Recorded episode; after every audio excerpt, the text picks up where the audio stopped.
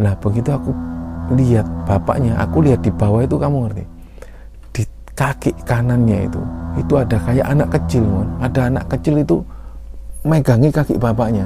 Wajahnya hitam gitu terus sambil ngeliatin aku gini. Aku lihat gitu. Pantesan dia itu bapak itu jalannya itu selalu nyeret. Jadi ada anak kecil yang gandoli di kakinya gitu wajahnya hitam gitu ngeliatin aku gini sambil gini.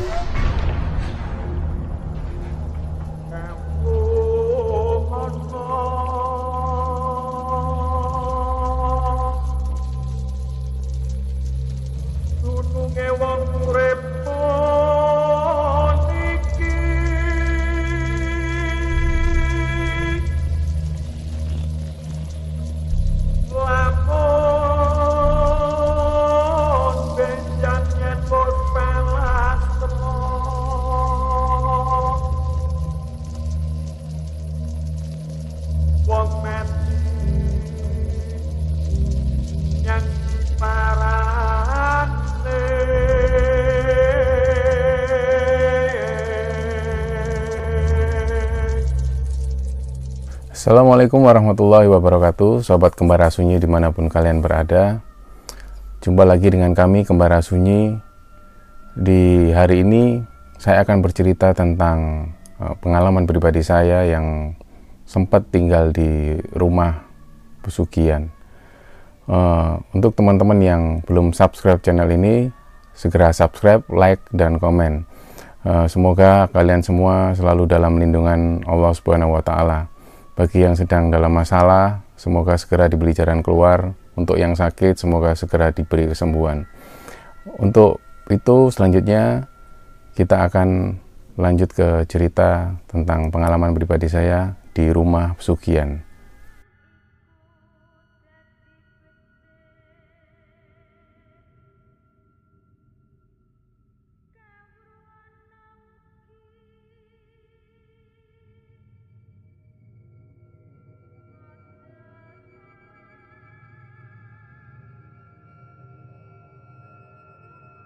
Ini cerita pengalaman pribadiku mohon di sekitar tahun 2010 kalau nggak salah aku masih ingat itu.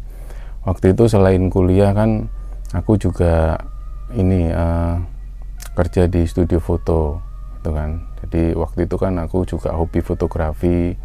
Terus kebetulan hobiku itu eh, diapresiasi oleh seorang fotografer ternama gitu di Surabaya yang dia suka dengan hasil karyaku kemudian aku ditarik untuk kerja di situ gitu. Jadi orang ini punya studio, studio foto alam gitu di daerah Surabaya Timur tepatnya di dekat Bosem Bosem Bosem inilah apa eh, hutan mangrove itu kan. Nah dia punya studio foto di situ.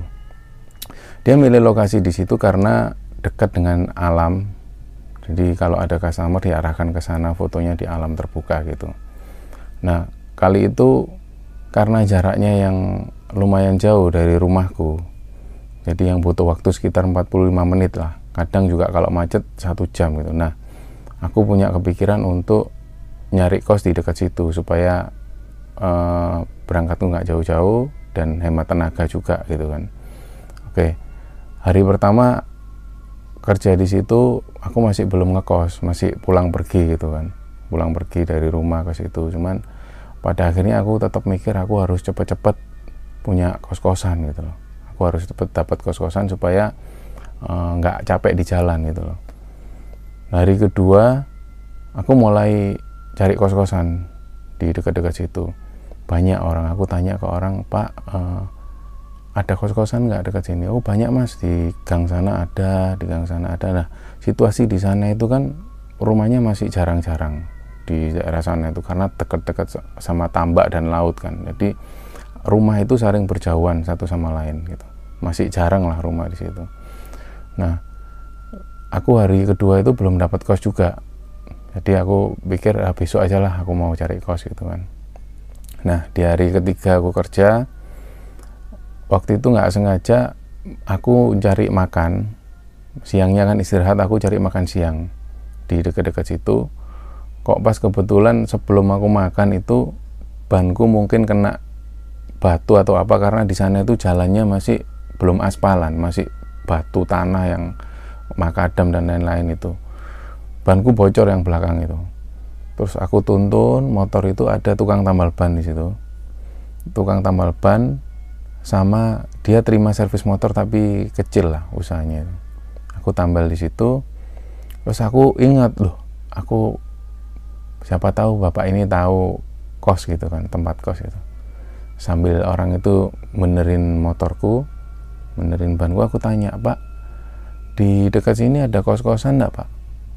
Terus bapak itu bilang banyak mas di sana di daerah kampung sana sama sana nah istrinya yang di belakang itu kan ada di situ. Istrinya itu lagi gendong anak sambil gendong gitu.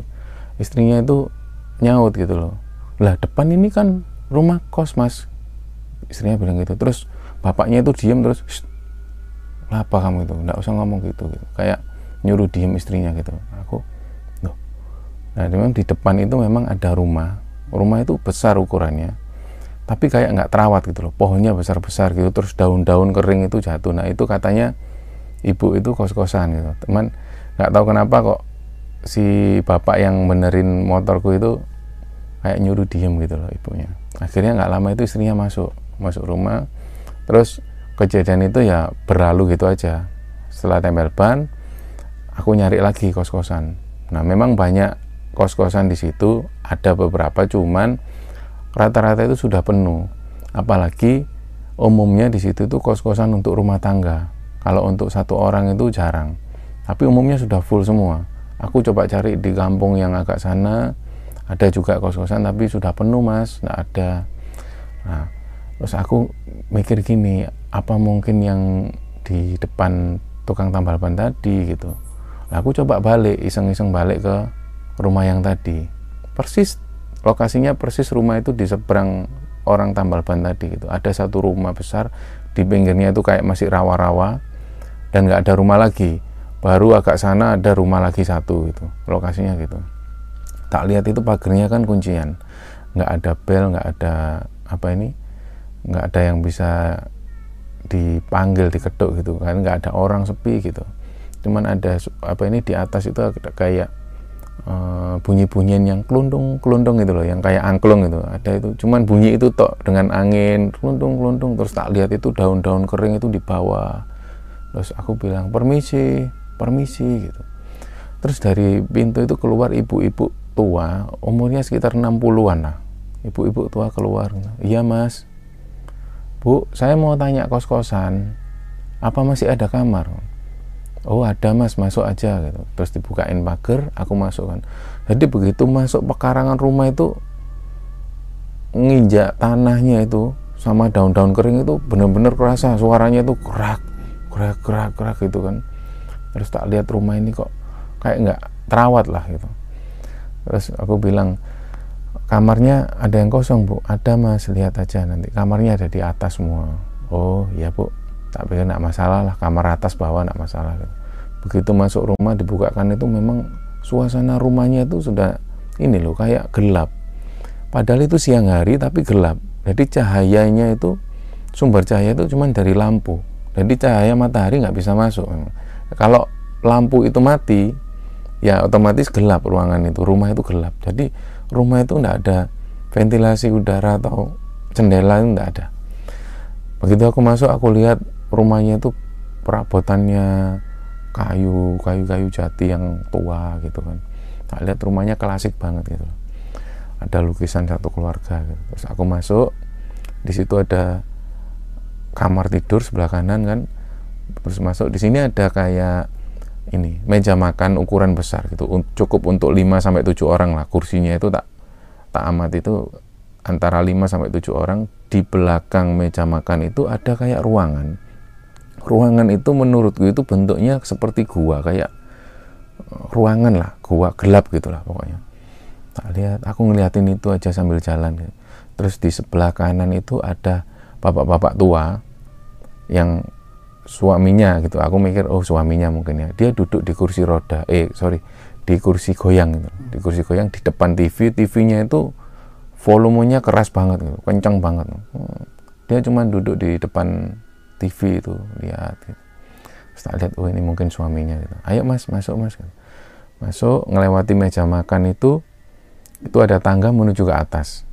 Ada tangga menuju ke atas. Nah naik ke situ baru itu aku ada kayak lorong panjang itu itu ada kamar lima kamar di situ. Nah ibu ini mengarahkan aku ke kamar yang nomor tiga. Dibukakan masuk. Aku lihat yang pertama aneh itu ada foto satu apa ini satu orang laki-laki dan satu orang perempuan itu sudah tua-tua sepuh gitu. Dia fotonya tiga kali empat yang tapi ukuran pas foto tapi besar lah terus aku ngeliatin gitu terus ibunya bilang mas kalau terganggu sama fotonya biar tak ambil. Itu foto orang tua saya. Jadi di sini dulu sempat tinggal orang tua saya waktu masih sehat. Tapi sekarang kan orangnya sudah tidak ada meninggal dua-duanya. Kalau masih anak nyaman tak ambil. Aku bilang tidak usah tidak apa-apa bu. Nggak ganggu kok aku bilang gitu. Oh ya udah kalau gitu. Di situ itu ada kamar eh, ruang apa ini namanya tempat tidur yang dipan yang kuno itu kayu jati juga. Terus ada satu kursi ada satu lemari gitu. Tak tek tak tek ini. Terus ibunya bilang kalau ngekos di sini itu dapat makan mas satu hari itu dua kali pagi sama sore. Wah, aku bilang waduh pasti mahal ini kan batinku gitu. Oh oh ya bu. Kalau biayanya berapa ya bu per bulan oh biayanya per bulan cuma 100 ribu. Aku bilang Duh, kok murah banget? Dapat makan itu bu? Ya dapat makan dua kali sehari pagi sama malam. Terus bajunya bisa saya cucikan kalau nggak banyak mas karena saya ada mesin cuci di bawah. Oh gitu. Lah langsung aku tanpa pikir panjang kan wah murah banget ini. Lagian kan dekat sama lokasi studio fotoku gitu. Ya bu saya bayar dua bulan dulu ya. Oh ya nggak apa-apa mas. Begitu aku bayar dua bulan tak kasih 200 ribu. Terus aku bilang bu kalau nanti saya nggak males mungkin malam ini saya sudah tidur di sini. Nanti lihat aja kalau saya sempat ngambil-ambil barang di rumah aku malam ini kepingin langsung tidur di sini gitu. Oh iya mas nggak apa-apa. Nanti kuncinya tak kasih aja. Jadi dikasih dua kunci kunci rumah sama kunci pagar kan. Oke siang itu aku balik ke kantor kerja seperti biasa malamnya sekitar jam 6 malam itu aku pulang ke rumah nyampe rumah sekitar jam 7 aku langsung prepare. Prepare aku pamit sama ibu. Aku bilang mau ngekos karena jaraknya jauh. Nanti aku pulang ya sekitar Sabtu atau Minggu aku pulang ke rumah gitu. Nah mungkin karena ibuku ini terbiasa ya aku nggak tidur di rumah gitu. Dulu di kampus itu aku sering nggak nggak pulang gitu. Jadi biasa lah orang tua aku biasa kalau aku ngekos di mana gitu. Mereka oke okay aja oke okay lah. Aku pamit. Malam itu sekitar jam 8 aku menuju ke rumah kos ini tadi. Aku lihat itu dari kejauhan itu memang udah gelap gitu kan. Daerah-daerah situ memang jalan ini yang belum aspalan terus masih tanah masih batu yang kalau naik motor itu berak-berak gitu kan. Nah nyampe di depan rumah itu persis suasananya. Sepi cuman ada suara kelundungan itu. Kelundung kelundung kelundung kelundung gitu. aku buka pagar aku masukin motor ya gitu suasana. Krek krek krek kena daun kering itu. Krek krek. Masuk begitu masuk aku buka pintu itu suasana sudah gelap semua gitu. Dan ada sisa bau-bau menyan gitu loh. Nah untungnya aku itu kalau bau menyan dan seperti itu aku udah familiar. Maksudnya itu udah nggak kaget lah gitu ya sering lah bau menyan di mana gitu. Cuman yang aku pikirkan itu kenapa kok bakar menyan ya orang ini gitu. Memang nggak lagi bakar menyan cuman sisa-sisa setelah bakar menyan itu kan bau banget kencang banget. Terus aku masuk seperti biasa gitu aku lewat di depan ini ruang kamar tidur satu terus meja makan terus di sini yang bapak-bapak yang tadi siang tak lihat duduk di atas kursi goyang itu beliau masih di situ dengan TV yang masih menyala tapi orangnya tidur gitu loh. Tak lihat oh, bapaknya masih sudah tidur. Aku naik ke atas langsung ke kamarku aku beres-beres tak, tak taruh ada bukuku tak taruh di situ terus tasku dan segala macam aku langsung tidur kan. Langsung tidur. Tak lihat jam itu masih jam 9 kok belum bisa tidur gitu. Terus cuman diem-dieman aja sambil ngeliatin foto foto-foto yang ada di situ. Ada dua foto yang tak bilang tadi kan suami sama istri tak lihat. Gak, gak serem juga kadang-kadang itu kalau di dalam kamar kan tak lihat. Baru jam 11 aku mulai bisa tidur. Saya jam 11 aku tidur. Nggak tahu tiba-tiba jam berapa itu aku kebangun dengan suara yang tembok di sebelah kamarku itu yang kayak di kerak-kerak sama kuku gitu loh. Kenapa aku bisa seperti itu? Karena dulu waktu di tidur di rumah temanku itu ada adiknya itu yang su- sukanya itu main gitu. Adiknya yang anak-anak masih kecil itu sukanya main yang kukunya ditaruh di dinding itu. Suaranya persis kerak-kerak gitu. Tak lihat aku kebangun tak lihat tuh jam setengah tiga. Jadi suara itu kerak gitu loh. Lah, Aku kan ngerasa ini ganggu kan. Akhirnya dinding itu tak kedor, dek dek gitu. Maksudku supaya diem gitu loh, dek dek gitu. Diem dia. Akhirnya aku coba tidur lagi. Belum sampai lama suara ini muncul lagi. Nah, aku kan semakin ini kan, semakin keras kan, dek dek dek tak gitu kan, dek dek dek. Diem akhirnya. Wes udah diem, aku tidur lagi. Nah, kejadian itu selesai. Pagi harinya itu aku bangun seperti biasa. Terus aku kalau mau mandi itu kan harus turun ke bawah. Tadi toiletnya itu ada persis di bawah tangga itu. Aku turun, setelah mandi itu tak lihat di meja makan itu sepertinya udah disiapin makanan gitu loh. Makanan ditutup sama penutup itu tak lihat tuh udah siapin makan mungkin. Setelah mandi aku naik lagi ganti, aku turun terus ketemu ibunya tadi, makan dulu mas. Itu sudah disiapin. Oh iya bu. Gitu. Nah aku makan, makan waktu itu nasi goreng ya aku makan setelah makan aku berangkat lagi kerja. Berangkat kerja. Seperti biasa lah kerja. Ada pemotretan dan lain-lain. Nah siang itu ada temenku yang satu kantor itu lagi ulang tahun gitu loh. Rencananya memang malamnya itu mau ngajak makan-makan di daerah Surabaya Barat. Ada satu kafe yang lumayan gitu lumayan enak gitu. Biasanya teman-teman kantor kalau ada acara mesti selalu situ makan-makannya gitu. Nah ini ada teman yang lagi ulang tahun, rencananya mau malam itu ngajak makan-makan di situ. Nah jadi pulang kerja kita ke sana ke kafe itu ya makan, ngopi, bercanda-bercanda sampai jam 11 malam.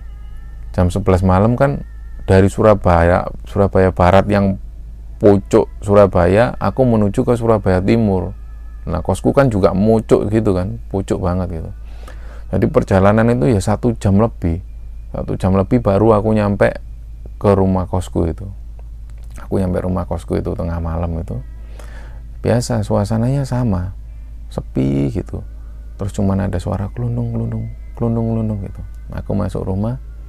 Nah begitu aku masuk itu sama aroma kayak orang yang habis bakar menyan gitu loh kenceng banget gitu terus aku agak mulai nggak nyaman gitu loh karena baunya itu tajam banget kan menyan itu nah begitu aku masuk terus aku di ruang tamu terus aku ngeliat di atas meja makan itu.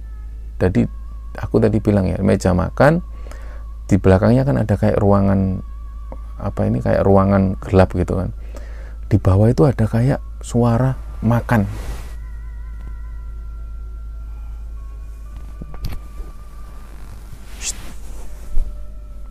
Sorry sorry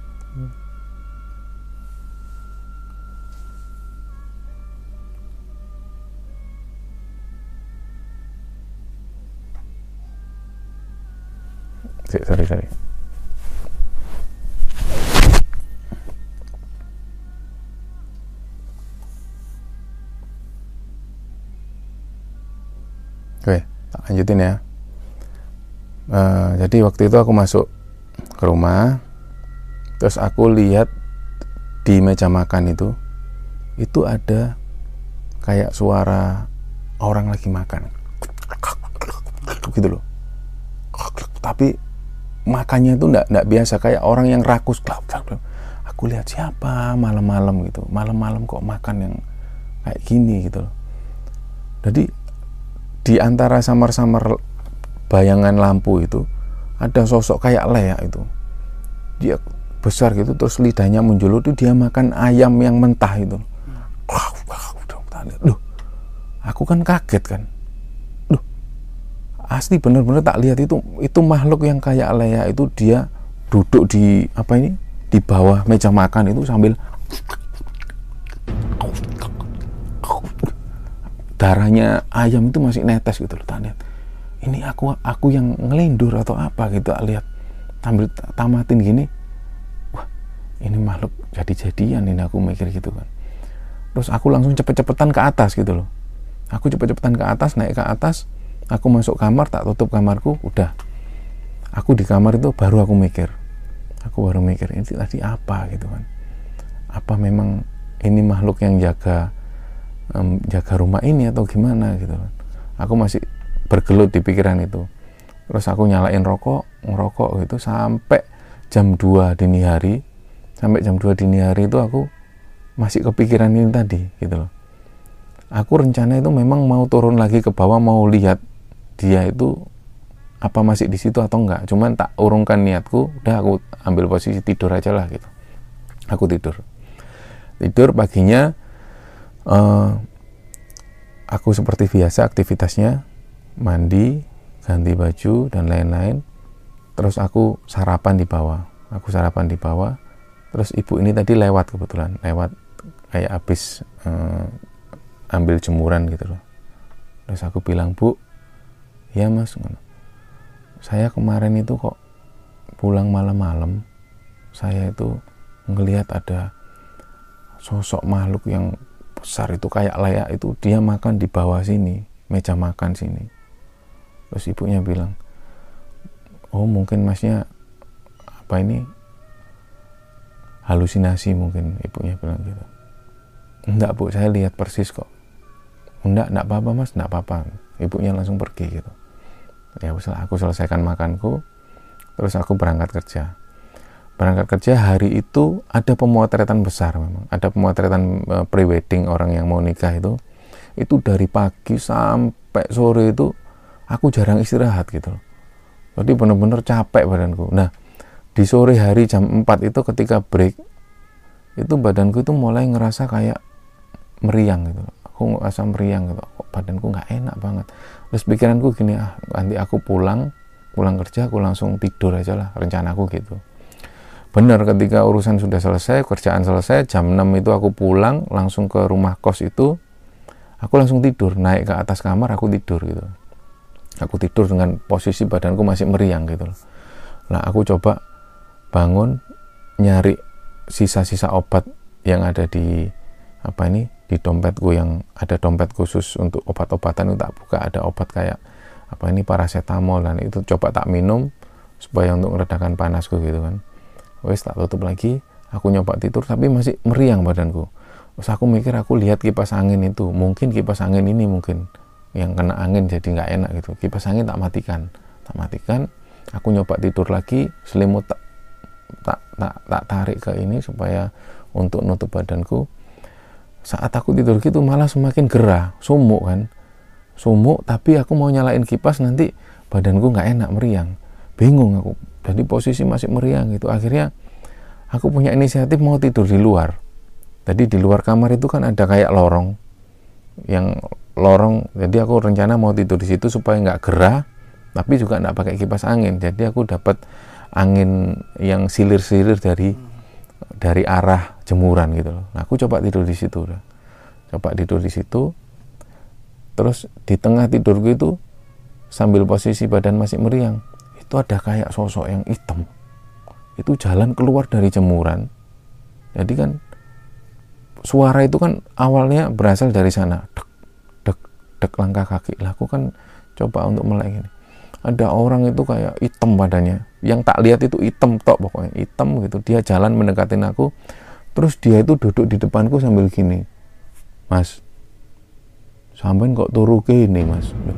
Aku kan tiba-tiba marah waktu itu bayangkan posisi badan yang lagi nggak enak terus nggak nyaman ada orang yang datengin aku dia bilang seperti itu. Sampai kok turu ini? Di depan muka aku persis. Aku bilang maaf ya ini cara Surabayaan aku itu meso waktu itu jancuk ngale kon. Aku bilang gitu. Ngale kon. Kurang ajar kon aku bilang.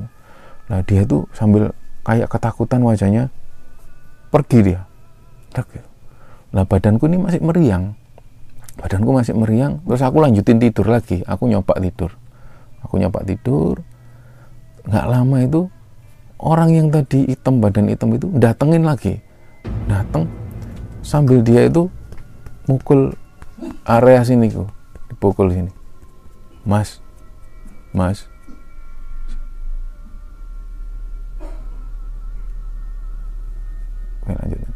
Mas. Dia bilang gini mas sampean kok turu gini mas? Dia bilang gitu lagi. Terus aku marah lagi. Aku aku ngomong jorok lagi ke dia. Cancuk kan kurang ajar kon. Kali kon. Aku bilang gitu. Aku bilang nyingkir kamu. Dia pergi sambil kayak wajahnya ketakutan gitu. Pergi pergi. Oke. Setelah itu kejadian itu sampai pagi. Pagi harinya baru ibu-ibu ini datang. Ibu yang punya kos ini datang. Terus dia bangunin aku mas kok tidur sini? Dia bilang gitu. Iya bu. Soalnya kemarin badan saya nggak enak meriang aku bilang gitu kan. Terus oh kok nggak bangunin ibu aja minta obat? Enggak saya punya obat kok bu. Terus gimana sekarang keadaannya? Udah enak aku bilang gitu. Terus nggak nggak pakai lama udah enak lah. Padahal posisi badanku masih nggak enak itu. Oke aku uh, mandi seperti biasa. Terus aku sarapan kan. Di bawah itu tak lihat ibu itu lagi masak soto ayam gitu loh. Sarapannya waktu itu soto ayam. Aku makan. Ada bihunnya kan? Soto ayam lamongan itu kan ada bihunnya juga. Ketika aku makan itu ada satu rambut itu yang nyempil di sini. Aduh rambut. Nah aku ini kan paling tidak seneng kalau pas makan ada rambut gitu loh. Paling tidak seneng. Begitu ada rambut aduh rambut. Satu helai gitu. Tak, tak buang gini. Terus aku makan lagi. Begitu aku makan sambil badanku masih gak enak kan tak paksain makan gitu. Begitu aku makan yang sendokan kedua ini bihun yang tak makan itu rasanya aneh. Kok aneh sih tak gini kan? Uh ternyata apa? Rambut itu satu gembel gini tak rambut eh, ada rambut itu. Itu segini itu rambut semua. Jadi langsung tak buang aku langsung muntah ke toilet. Terus ibu ini kan nyamperin kenapa mas? Bu mohon maaf ya bu. Saya itu makan soto rambut semua bu Duh, iya lah mas. Begitu disamperin di soto itu di di udak-udak ini sama ibunya ternyata memang bener ada rambut gitu loh. Lah terus ibunya kan juga serba salah. Mas mohon maaf loh mas saya nggak saya benar-benar nggak ada niat seperti ini. Saya kalau ada seperti ini pasti nggak mungkin tak sukukan terus aku mikir positif aja iya bu. Ya nggak mungkin juga kan masa ibunya naruh rambutnya gitu kan. Terus aku mikir gini ini apa ada hubungan dengan yang kemarin tak temui makhluk itu gitu loh. Terus aku cuman pikir ini ya sudah lah wis aku berangkat kerja aja. Begitu aku berangkat kerja aktivitasku itu agak terganggu. Dan bosku bosku ngelihat aku itu agak nggak enak badan kamu pulang aja lah nggak usah diterusin udah istirahat aja. Nggak apa-apa pak aku masih enak kok. Aku bilang gitu terus tapi bosku tetap nyuruh aku pulang udah pulang aja nggak apa-apa. Nah waktu aku pulang balik ke kos aku balik ke kos terus aku langsung menuju ke kamar. Jadi siang itu aku tidur di kamar ya tidurnya biasa tidak ada gangguan sama sekali. Cuman hari itu siang itu aku tidur sampai jam 6 malam. Jam 6 malam baru aku bangun aku mau ambil minum ke bawah gitu. Aku mau ambil minum di bawah dan aku lihat itu bapak-bapak yang suaminya ibu ini itu duduk di depan apa ini kursi goyang itu. Sambil di samping bapak itu ada makhluk yang ini tadi yang tak bilang leak itu. Jadi dia itu sambil duduk di samping bapak itu sambil kamu ngerti lidahnya itu menjulur keluar gitu sambil gini. Bukan goyang cuman badannya itu kayak gerak-gerak gini loh aku masih mikir gini mungkin aku posisi sakit jadi aku ini halusinasi atau apa gitu. Jadi aku nggak nggak jadi ambil minum aku balik ke kamar balik ke kamar aku lanjutin tidur gitu. Tidur jadi aku semalam itu aku tidur. Tidur baru paginya. Paginya aku sudah enakan badanku aku balik kerja lagi. Balik kerja. Terus ada satu temanku kantor itu yang tanya ke aku kamu sudah dapat kos. Kos di mana sekarang? Kos di gang 6 aku bilang gitu. Gang 6 sebelah mana? Itu loh depan persis eh, tukang tambal ban aku bilang. Loh seberangnya tukang tambal ban yang rumah gede itu? Iya aku bilang gitu. Kok kamu tahu? Loh awalnya aku ditawarin ngekos di situ cuman banyak orang kampung yang bilang kalau rumah itu angker karena itu rumah pesugihan bilang gitu. Maksudnya rumah pesugihan gimana? Ya ceritanya panjang lah. Pokoknya yang aku tahu rumah itu rumah pesugihan dan banyak orang-orang itu yang ngekos di situ itu sering diganggu itu kok kamu berani ngekos di situ? Aku bilang ya soalnya murah aku bilang gitu. Dapat makan lagi aku bilang gitu kan. Terus nah aku semakin penasaran sama kata-kata temanku ini. Akhirnya aku tanya lo emang ceritanya gimana? Kok kamu sampai bisa tahu kalau itu rumah pesugihan kalau kamu pengen ngerti, kamu tanya ke warung Tegal yang langganan langganan anak-anak kantor situ kan sering makan di warung Tegal dekat situ. Itu itu tahu persis sejarahnya rumah itu. Lah, pas hari itu mas, pas makan siang, aku rencana sama temanku, ayo makan di warung Tegal, yuk. aku sambil pengen tahu gitu kan. Karena aku kan tinggal di rumah itu gitu. Aku makan di situ, setelah makan, lah bapak-bapak yang punya warung Tegal itu kebetulan keluar. Nah itu loh, itu loh bapak itu yang tahu Nah, setelah makan aku tanya, Pak, saya mau tanya-tanya. Tanya apa, Mas? Itu loh, Pak, rumah yang di Gang 6 itu yang seberangnya tambal ban itu. Oh iya, kenapa? Saya kan ngekos di situ, Pak. Sudah hampir satu minggu saya ngekos di situ. Loh, sampai dapat info dari mana kok bisa ngekos di situ? Awalnya dari tukang tambal ban itu, dari istrinya. Cuman kayaknya Oh, suaminya itu kayak nutup-nutupin gitu loh pak. Tapi karena aku sudah nyari kos di tempat lain dan tempat lain penuh akhirnya aku inisiatif ngekos di situ ternyata masih ada. Terus bilang gitu kan loh emangnya selain emas itu ada nggak yang ngekos di situ? Bapaknya bilang gitu. Ada pak. Aku bilang gitu kenapa? Karena malamnya itu kan ada yang ganggu aku itu ada kok. Saya itu malam diganggu orang di sebelah kamar saya itu. Loh mas coba sampai cek sekali lagi. Nggak ada orang yang ngekos di situ. Udah satu tahun itu nggak ada yang ngekos di situ. Berarti kalau mas ngekos di situ berarti mas itu sendirian di situ. Pak tapi saya sempat diganggu beberapa kali ngekos di situ. Oh ya jelas itu kan rumah rumah ini jadi gini mas ceritanya itu gini baru bapak ini cerita suami istri ini dulu punya dua orang anak, laki-laki dan perempuan. Waktu itu oh, suami istri ini punya usaha uh, keripik.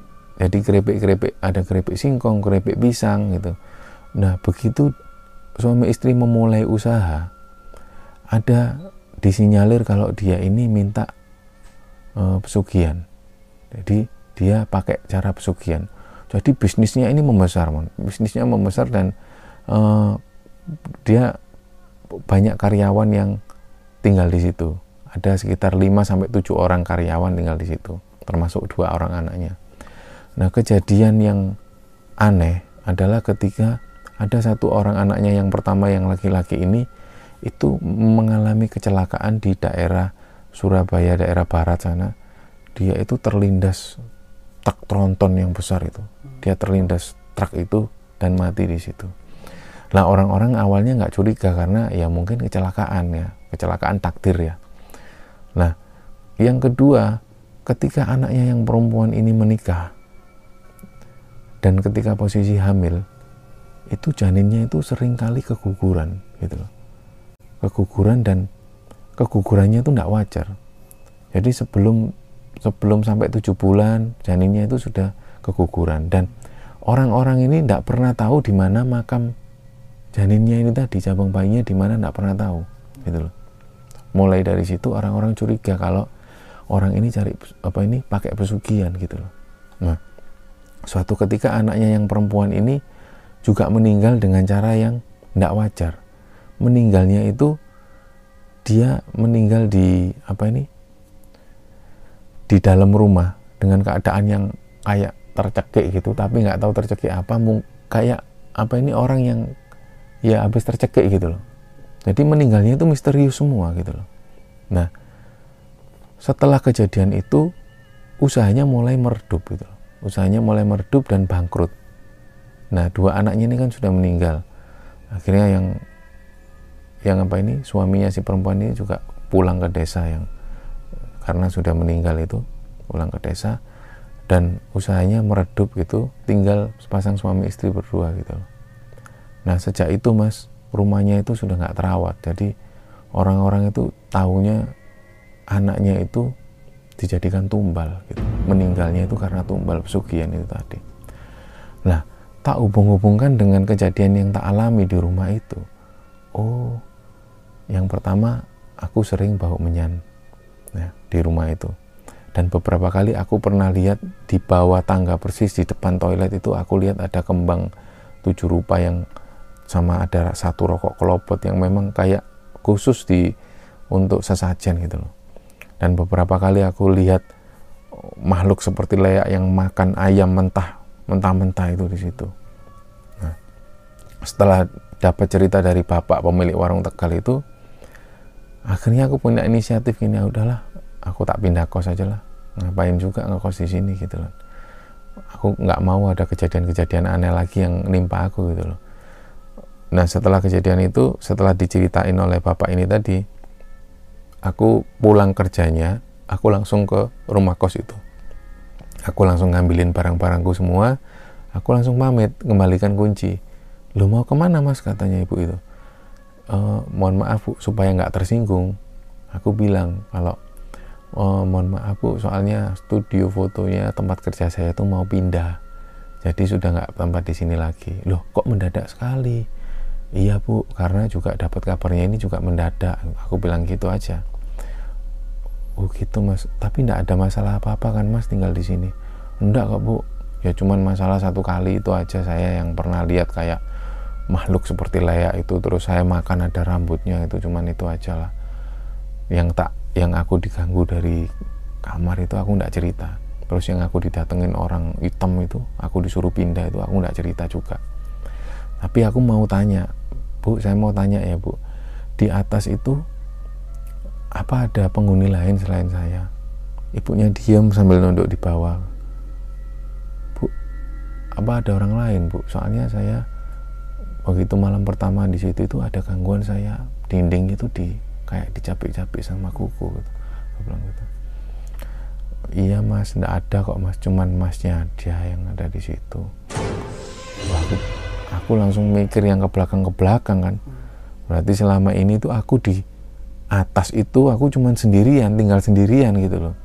Tak pikir kenapa aku diarahkan ke kamar nomor tiga karena kamar nomor satu dua empat sama lima itu tutupan semua pintunya. Tak pikir ada penghuninya.